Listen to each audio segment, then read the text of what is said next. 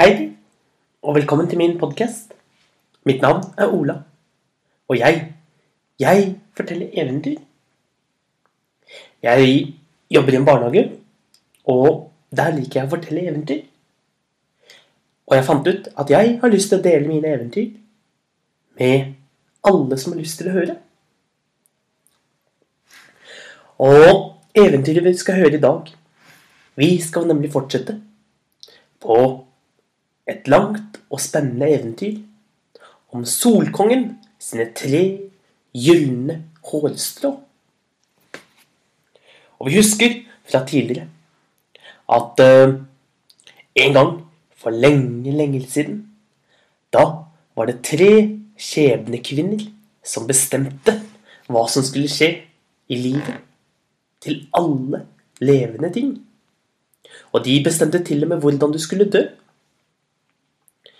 Og en konge var ute og reiste, men overhørte hva, hva som skulle skje med et lite babybarn.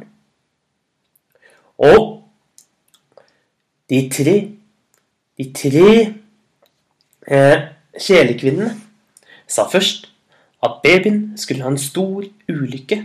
Så skulle den møte en stor lykke og til slutt at den skulle gifte seg med kongen sin egen datter. Han skulle gifte seg med kongens datter. Selv om han bare var sønn av en fattig kullbrenner. Dette likte ikke kongen, og han fant en måte å få tak i babyen på, og kastet babyen ut i vannet i den farlige, store elven i en liten kurv. Og 20 år gikk. Kongen sin datter vokste opp og ble en vakker prinsesse. Vakker og selvstendig. Hun hadde ikke lyst til å gifte seg med noen av de kongen syntes hun skulle gifte seg med. Da Da bestemte kongen seg for å reise til et langt land langt borte for å finne flere friere til prinsessen. Og det siste vi husker, er at en sen kveld kom kongen fram til et gammelt møllehus. Der var det en ung mann på 20 år som kom ut og hilste dem på den mest høflige måten du kan tenke deg. Og kongen fant ut at han het Navnløs og navnløs. Han hadde de funnet i en kurv i elven. Og kongen skjønte med en gang at dette, det var gutten. Gutten til kullbrennerens sønn. Dette var gutten som han hadde prøvd å drukne når han var en liten baby. Og kongen ble sint inni seg. Han tenkte. Så sa han til gutten. Du navnløs, har du lyst til å vise hvor modig du er?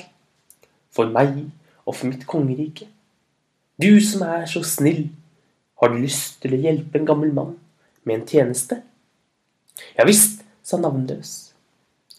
Da, utmerket, sa kongen, og satte seg ned og skrev et brev men ingen fikk lov til å se hva det sto. Men jeg skal røpe hva det sto.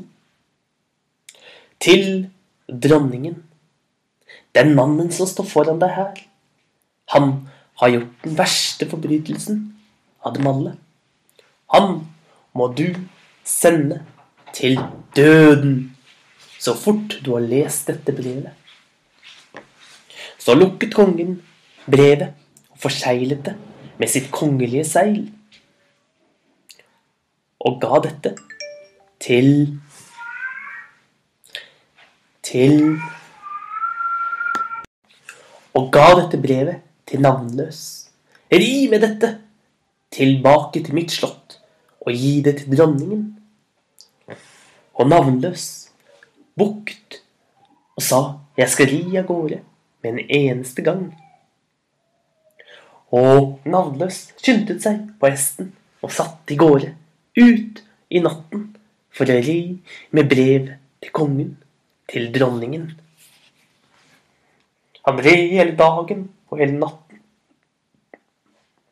Og dagen etter, når han hadde ridd i tre dager og tre netter, da begynte han å bli så trøtt og så sliten at han sovnet, og hesten red ut inn i skogen.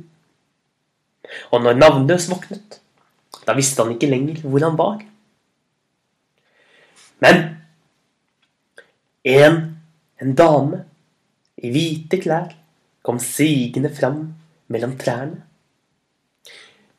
Unnskyld, du ser ut som du godt deg vil. Ja, det har jeg. Jeg leter etter kongens slott. Da skal jeg vise deg veien, sa hun. Men hva heter du? Mitt navn er Navnløs. Så, Navnløs, la oss ri tilbake til kongens slott. Og de red sammen. Og mens de red, så satte den satte damen i de hvite klærne i å synge en rolig vuggesang. Og snart kjente Navnløs at han ble trøttere og trøttere. Øynene ble tyngre og tyngre, helt til han seg om og sovnet. Og når han våknet, da så han at han satt like ved siden av stien, og foran seg, langt der borte, kunne han se kongens slott. Han red av gårde det forteste han kunne, inn mot de store murene og mot den store porten. Han steg av og bukket og sa at han ønsket å snakke med dronningen.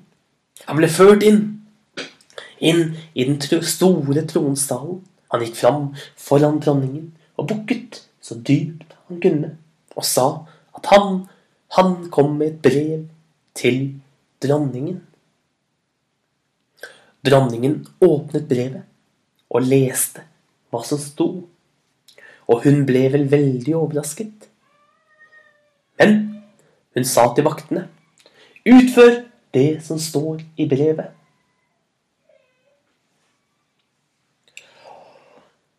Og eh, noen dager senere, da, da kom kongen ridende tilbake mot kongeriket sitt. Men han ble vel overrasket når han fant hele kongeriket dekket klar til en stor fest. Overalt var det vakre blomster som ble kastet ned fra murene. Overalt så var det pyntet og stelt og vasket. Og alle var så glade og sang og gledet seg, og kongen undret seg storlig, for dette, det så jo ut som han hadde kommet rett inn i et kongelig bryllup.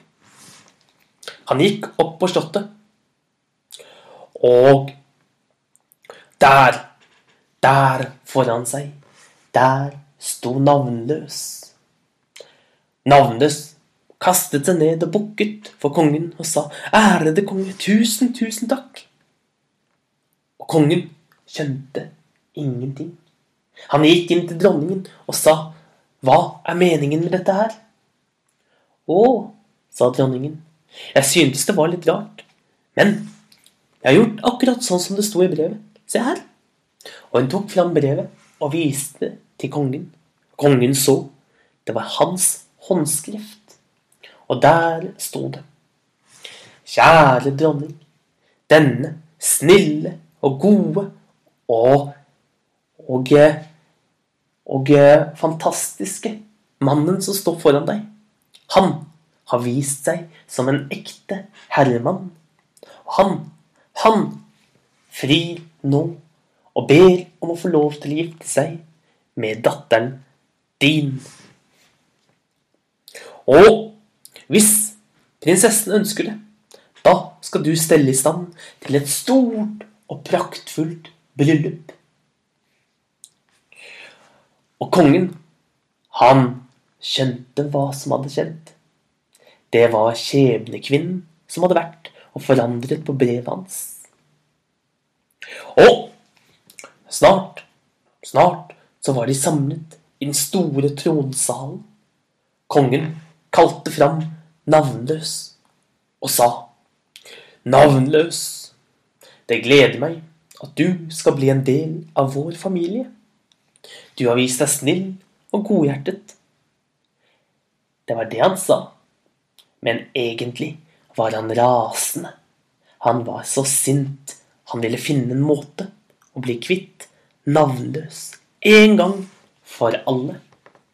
Så han hadde klekket ut en mesterlig plan, og han sa, men navnløs, før du kan gifte deg med prinsessen, har du lyst til å vise ditt mot, hvor modig du er, for kongeriket, for meg og for prinsessen? Og ja visst, sa navnløs og bukket så dypt han kunne. Hvis du viser deg verdig, da kan du få lov til å gifte deg med min datter Serena. Og navnløs sa, jeg reiser gjerne til verdens ende for din datter.